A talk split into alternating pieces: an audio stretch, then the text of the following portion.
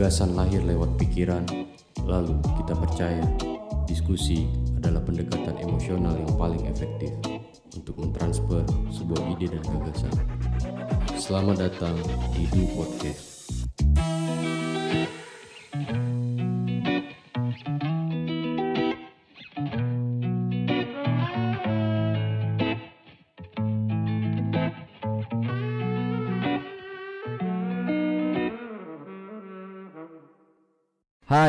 Daniel Suhada di sini. Kembali lagi di Du Podcast. Kita sekarang ada di season 2 episode 11. Hari ini saya bersama salah satu pelaku industri kopi Kota Dumai. Dan ini interview saya kedua bareng beliau nih. Sugiman aka Kogiman. Kogiman apa kabar kok? Baik, baik. Baik kok ya. Terima kasih udah diundang. Yes, dua kali nih interview dua kali ya. Iya, udah. Sebelumnya kita ada di Dumai Kreatif Industri yang Instagram Dumai kan, Ya, heeh. ya kan. Sebelum tahun lalu tuh, sebelum pandemi ya kan, ya, kalau nggak salah ya. ya kan. Jadi kok gimana nih? Kita adakan rapid test dulu ya. Rapid test gimana teh? Ini ada satu dari dua pilihan namanya. Oh, boleh, boleh. Kok gimana? Saya tawarkan dua option nanti. Kok gimana pilih satu? Kalau dua-duanya Nggak boleh. Tetap satu dari dua pilihan. diusahakan. Kopi atau teh? Kopi. Kopi ya. Arabica atau robusta? Ini sulit nih. Hmm.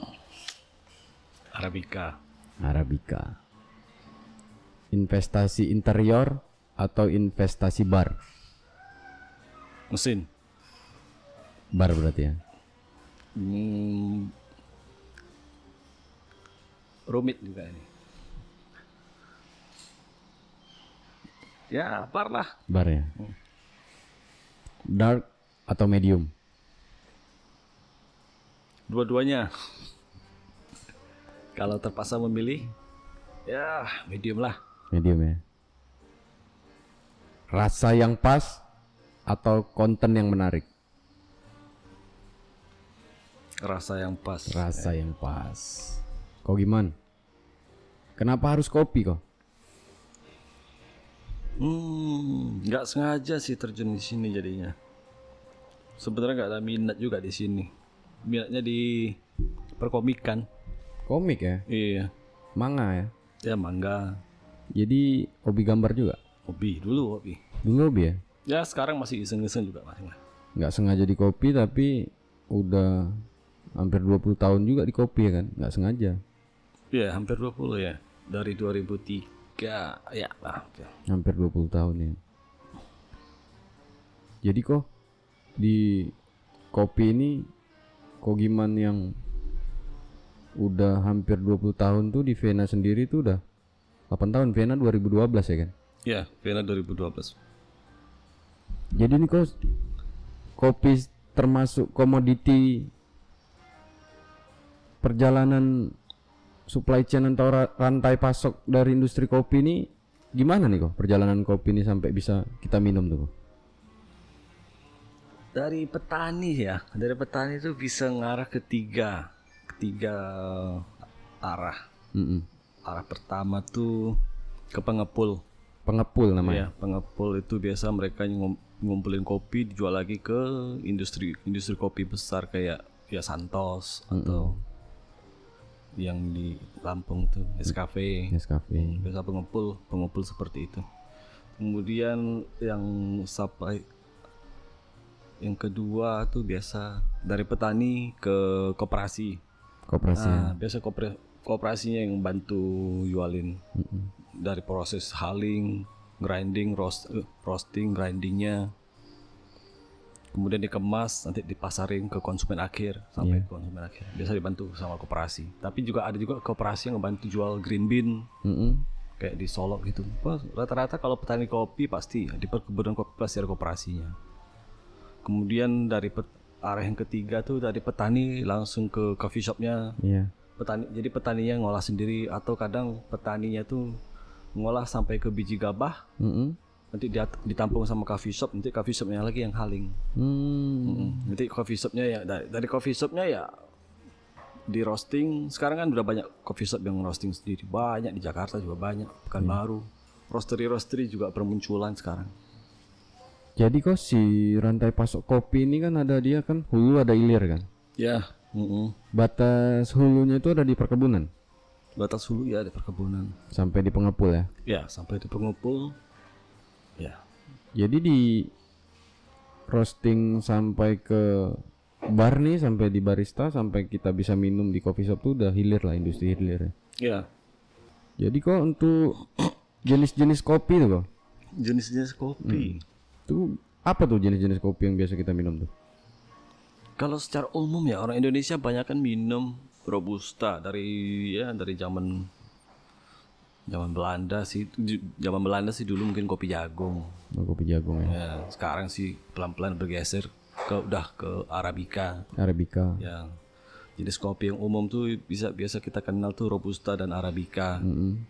robusta tuh karakternya lebih strong Strong deh, kuat ya. lo bodinya lebih kuat Mm-mm. jadi kalau kita minum tuh kayaknya terasa lebih pekat gitu Iya. Hmm, Kalau Arabica lebih enteng gitu, bodinya lebih ringan, lebih light, tapi flavor sama aroma, wah enak, Sedap ya. sedap. Dua dua jenis itu aja. Dua jenis itu Arabica Robusta, kemudian ada yang nggak dikenal umum sih Liberica sih. Iberica ya. Ya, Liberica itu banyak di Bengkulu, Jambi, Pulau Meranti. Mm-mm. Cuman secara kualitas masih kalah sama Robusta. Secara tes, tes juga. Karena kebanyakan orang bilang itu kopi defect, tapi eh, aromanya kayak kopi nangka. Mm-mm. Cuman kalau salah salah proses nanti bisa kayak bobo karet gitu, buat karet-karet terbakar kalau salah proses ya. Mm-mm. Susah juga ng- ngolah Liberica. Cuma Liberica populer di daerah si Bengkulu, Jambi, populer di sana. Berarti dia yang sedikit Ya, ada lagi biji eh, da- dataran rendah ya. Ya, dataran rendah. Ada lagi jenis Excelsa. Orang bilang kopi jenis baru, cuman ya itu masih sebenarnya masih satu varietas sama eh, ma- sama dari Liberica. Apa namanya tadi? Excelsa. Excelsa ya. Iya, Hmm. masih satu masih satu keluarga sih sama Liberica. Satu varietas ya. Iya. Arabica sama Robusta tadi yang paling di- paling dikenal umum. Robusta ya enak juga sih Robusta. Karakternya rasanya lebih, lebih didukung sama coklat-coklatan gitu. Hmm. Kalau Arabica lebih kompleks, lebih banyak banyak bisa aroma dan flavornya bisa banyak, bisa spicy, bisa floral, terus berry-berryan. Kalau biji-biji Arabica dari Ethiopia sana tuh kebanyakan berry-berryan. Hmm. Ya, Indonesia juga nggak kalah sebenarnya Arabica. Jago-jago juga Arabica Indonesia. Jadi nih Kogiman nih kan di kopi nih cukup lama nih hampir 20 tahun kan. Mm-mm. Ada di sempat di pabrik kopi juga kan kok. Sebelum sebelum ngebangun Vena di 2012 tuh kan Kogiman sempat ada di pabrik kopi juga gitu. Orang yang cukup intens dengan kopi kan kok. Apa pengalaman yang Kogiman dapat dari industri kopi yang membentuk Kogiman saat ini tuh? Awal-awal di pabrik kopi saya masih ya masih skeptis juga sih sama kopi taunya cuma kopi minum pakai gula Mm-mm. kopi hitam seduh pakai gula udah Mm-mm. terus ketika pelan-pelan mulai dis, apa diserahin tanggung jawab untuk jaga kualitas kopi dari situ saya diajarin teknik eh, secara internal dulu diajarin dikenalin kopi itu yang enak tuh maksudnya kopi yang benar tuh kalau mau mengetahui kualitasnya ya diminum tanpa gula Mm-mm. tapi ya kalau saya, pikir kalau di roasting gelap gitu eh pahit dong gitu. oh enggak justru yang benar tuh nggak boleh terlalu di roasting nggak boleh terlalu gelap sebenarnya kalau mau mengetahui kualitas kopi Hmm. jadi pelan-pelan dari situ diajarin kau tahu oh ternyata kopi tanpa gula tuh enak banget enak banget. Robusta malah tanpa gula enak. Uh gila. Akhirnya pelan-pelan dari situ pandangan terhadap kopi mulai berubah. Dulu taunya waktu kecil saya jaga toko kopi juga. Kopi ini harum kopi ini kurang harum. Ternyata banyak faktor yang mempengaruhi keharuman itu. Kopi dari biji kalau digiling kalau digiling ya udah disimpan besok dalam 24 jam udah udah hilang aromanya. Ya banyak sih banyak berperan industri apa pabrik kopi itu untuk saya sebenarnya. Itu hampir berapa tahun tuh? Di pabrik kopi itu sekitar 2003 2003 Sampai 2000 2015. 2015. Iya. 12 tahun ya. Iya. Jadi tuh Kogiman tuh di pabrik kopi itu di Dumai kan? Ya di Dumai. Di Dumai ya. Itu belajar-belajar juga lah di situ ya. Iya belajar. Ada training secara internal perusahaan ada juga. Mm-mm. Jadi memang benar-benar ada di manajemen perusahaan ke pabrik kopi itulah Iya. waktu itu kok ya. Pernah ikut kelas kopi kok? Kelas kopi pernah. Pernah ya? Ba- eh, baik secara internal perusahaan maupun eksternal perusahaan ada. Jadi kemarin 2009 eh, dikirim ke itu dari perusahaan dikirim ke Puslit, Puslit pusat penelitian kopi Mm-mm. di Indonesia tuh ada di Jember. Jember, Jawa Timur. Jawa Timur. Ya, jadi dikirim ke sana untuk training.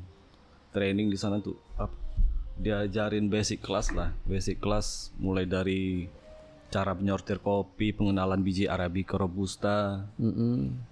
cupping juga, roasting juga ada di sana.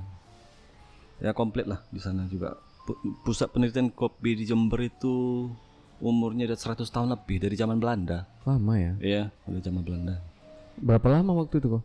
Training tiga hari itu. Tiga hari ya? Iya. Sekarang kalau nggak tahu tradingnya berapa hari, mungkin diperpanjang apa diperpendek nggak tahu. Tapi mungkin karena, dari- karena pandemi mungkin Itu, susah lah sekarang. itu yang di perusahaan ya? Mm-mm. Itu bukan itu dari eksternal. Itu dari eksternal ya? Mm. Kalau setelah Vienna berdiri, saya juga ada pernah ikut training ya untuk mematangkan lagi sih eh, ilmu roasting lagi. 2015 di Medan itu trainernya dari Froco. Froco itu perusahaan roaster yang memproduksi mesin roaster di Indonesia lumayan eh, besar juga itu. besar. Kemudian 2017 karena merasa yang di training di sebelumnya itu dari Froco tuh kayaknya kurang gimana rasanya ku- kurang kurang dalam Mm-mm. kurang padat ilmunya jadi ketika ada satu kesempatan lagi dia William Edison itu yang bikin mesin roasting fenomenal se Indonesia itu Mm-mm. ngadain kelas di Medan ya 2017 saya pergi lagi tiga hari trainingnya Berarti Kogiman nih cukup dekat dengan roasting ya? Iya heeh. Sangrai ya, sangrai. Sangrai heeh, heeh. Cukup dekat dengan proses itu ya. Iya. Kalau dari pengalaman kelas yang Kogiman ikutin kan itu si roastingan itu nyaman kok. Kira-kira ada di proses sangrai itu. nyaman nyaman nyaman Nyaman ya. Teman, dulu ketika saya masih di pabrik dulu saya nggak sangrainya pakai mesin popcorn itu, Mm-mm. mesin popcorn maker. Oh. Itu dibeliin di apa? Karena waktu itu belum ya mungkin perusahaannya mungkin belum belum bisa mesin roasting apa mesin roasting yang untuk skala lab. Jadi mungkin pakai mesin popcorn maker dan lumayan terbantu di situ. Ngetahuin first crack-nya pas kapan proses yellowing-nya, proses mayat mayat prosesnya Mm-mm. lumayan terbantu di situ udah belajar berapa tahun supaya pakai mesin popcorn kemudian ada upgrade mesin dari perus- perusahaannya ada di situ pelan pelan ya nyaman di roasting sih enak sih Jadi Kogiman ini kan pengalamannya di kopi dan pengetahuannya di kopi juga kan kebangun dari belajar dan pengalaman pastikan kok. ya dari belajar ya sekarang Seberapa penting sih kelas kopi itu kok untuk kita bisa memulai di industri kopi ini kok?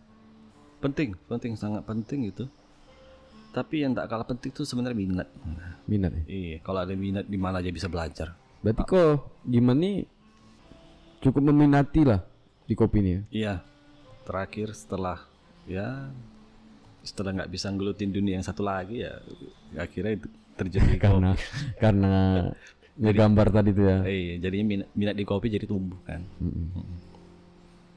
Jadi ada gairah Iya, kopi yang selama Kogi menjalani ini muncullah gairah itu tadi ya. Iya.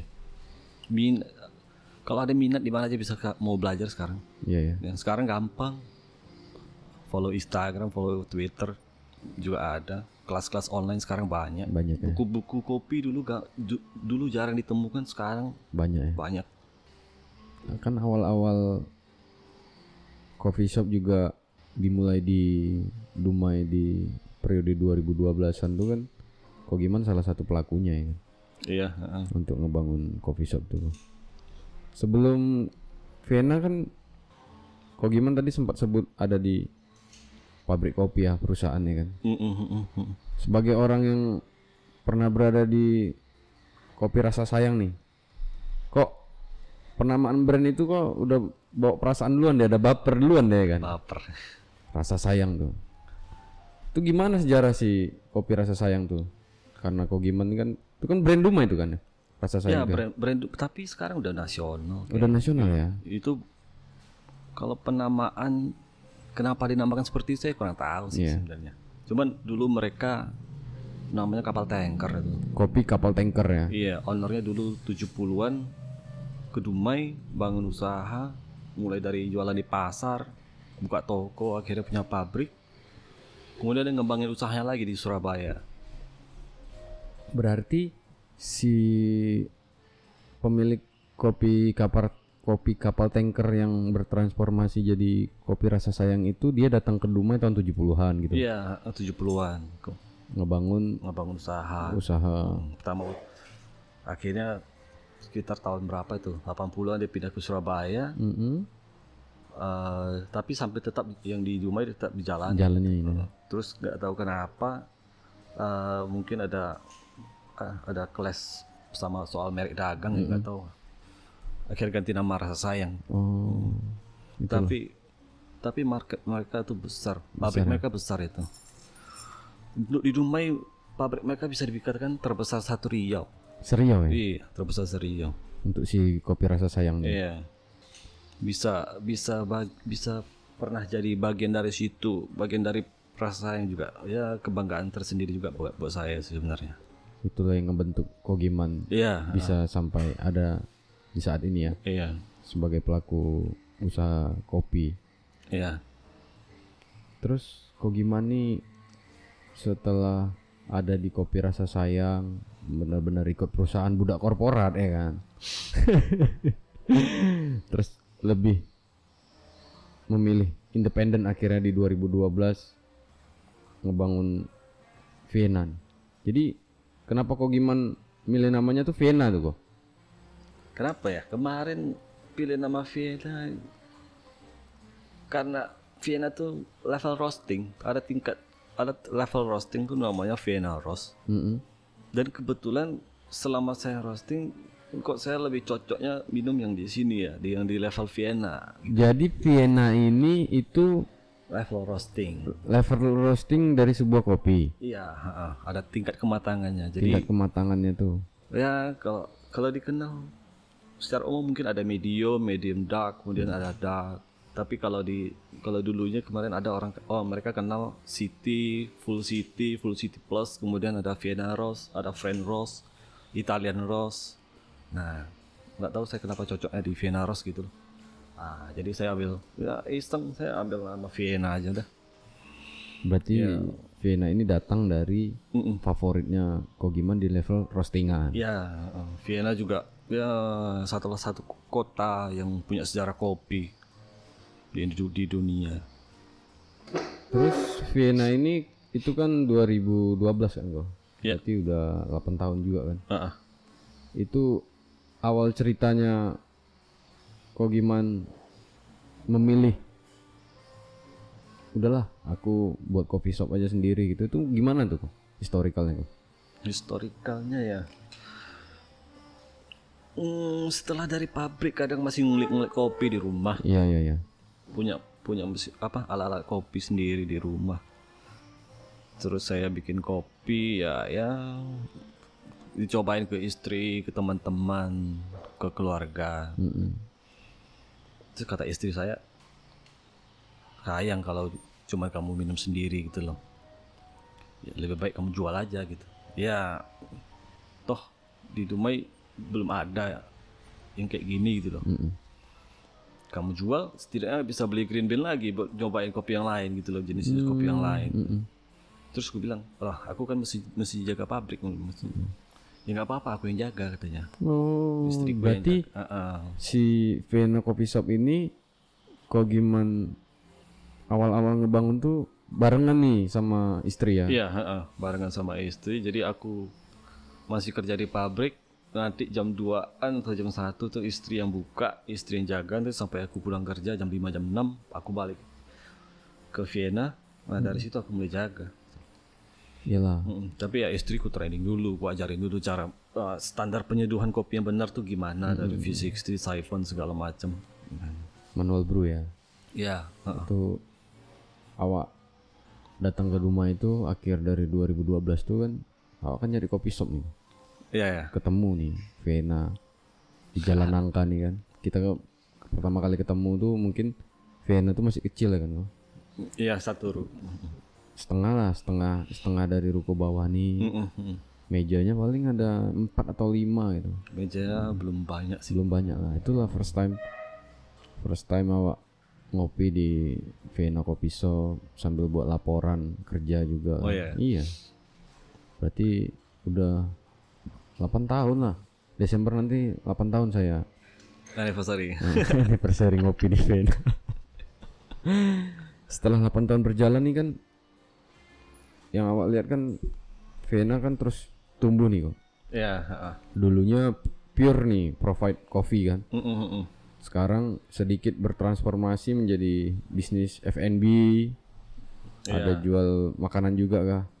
Apakah itu yang membuat bisa survive sampai sekarang tuh Hmm, transformasi ya. Itu sebenarnya ya adaptasi sih sebenarnya. Adaptasi ya. Adaptasi sama respon marketnya gimana gitu loh kebetulan marketnya di Duma juga peminat apa, yang minum kopi hitam kan belum banyak. Mm-mm. ya terus yang minum kopi hitam juga kebanyakan yang masih minum kopi pakai gula kayak kedai kopi gitu. Jadi ya pelan pelan lah diedukasi. Kemudian sambil sambil ya sambil jaga market juga jual-jual yang lain supaya bisa ya ngidupin kopi tadi gitu loh. Ya sambil jualan bean juga sambil jualan kopi bubuk jualan sirup segala jadi agennya Tovin kemarin. Mm-mm. berarti untuk bisa survive tadi kok gimana coba ngedeliver dan beradaptasi Iya, dengan kondisi market yang ada di kota Dumai pasti kan? Iya.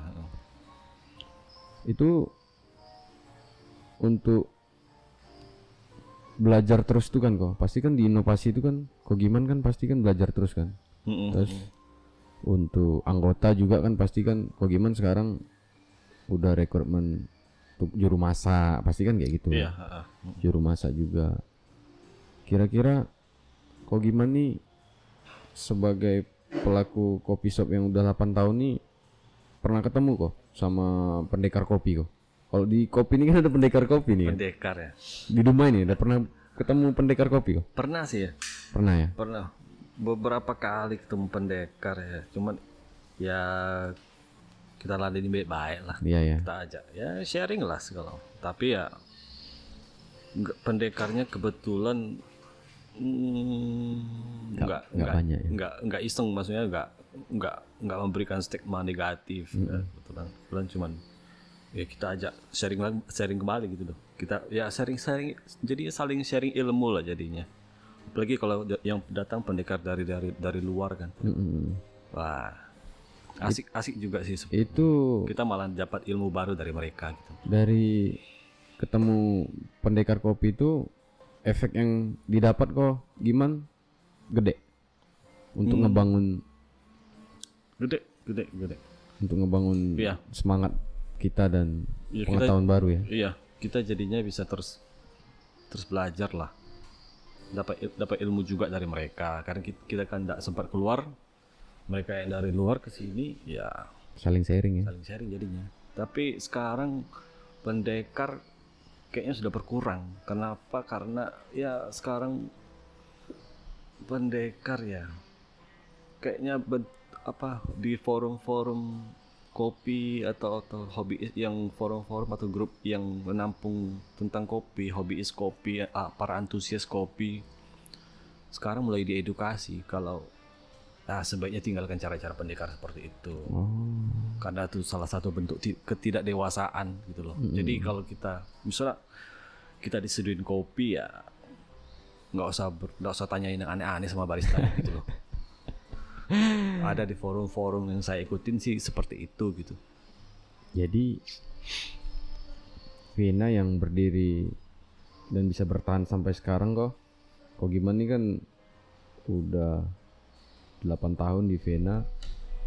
Menurut Kogiman dan kacamata Kogiman nih perkembangan penikmat kopi di Kota Duma itu gimana kok? Oh semakin berkembang, Berkembang ya? ya semakin banyak juga. Mm-mm. Sekarang ngopi udah bukan tren bapak-bapak ngopi. Iya ya. Sekarang anak muda ngopi. Dulu dulu orang berpikiran jual kopi malam-malam siapa yang minum? ya kan? Sekarang anak muda sekarang ngopi malam-malam. Dulu ya kalau awak SMA ngopi kok nih tua kali kan gitu.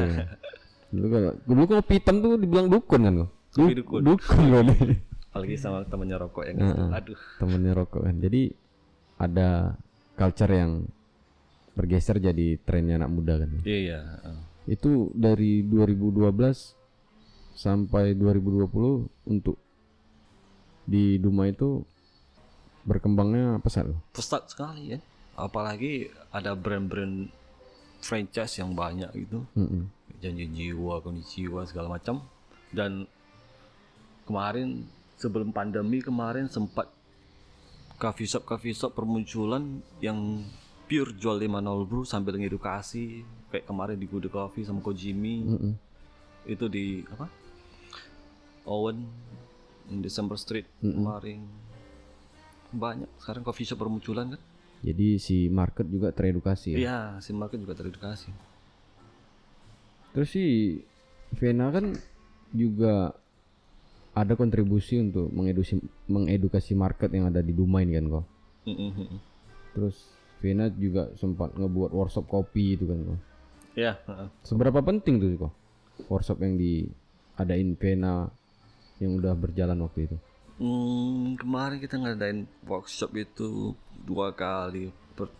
Yang pertama itu basic espresso dan manual brew. Kemudian latte artnya, latte art, basic latte art. Ya penting sih buat yang yang berminat tentang apa, yang berminat sama kopi sebenarnya.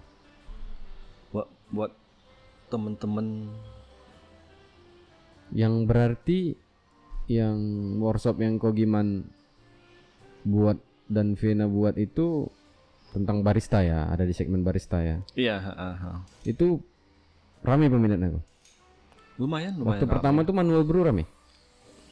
Manual apa uh, latte art uh, basic espresso dan manual brew lah rame kok Rame. dua belasan orang kalau. Itu orang Dumai semua. seingat saya iya orang Dumai semua Baru yang kedua yang kedua latte latte, art, art, ya orang Dumai juga semua. orang Dumai juga Cukup antusias antusias ya untuk kelas-kelas workshop seperti itu kok ya. Ya. Dan kok gimana nih kan pasti dalam menjalankan coffee shop itu kan si Vena ini kan pasti ada up and down kan kok. Mm-mm, mm. dan pasti kan kok gimana juga memperkerjakan SDM yang ada di Duma itu. iya heeh. Menurut kok gimana tuh bagaimana perkembangan sumber daya manusianya lah untuk industri kopi yang ada di kota Duma itu? menarik sih ke depannya mungkin kayak kayaknya bukan mungkin lagi sih akan lebih banyak lagi coffee shop yang bermunculan Mm-mm.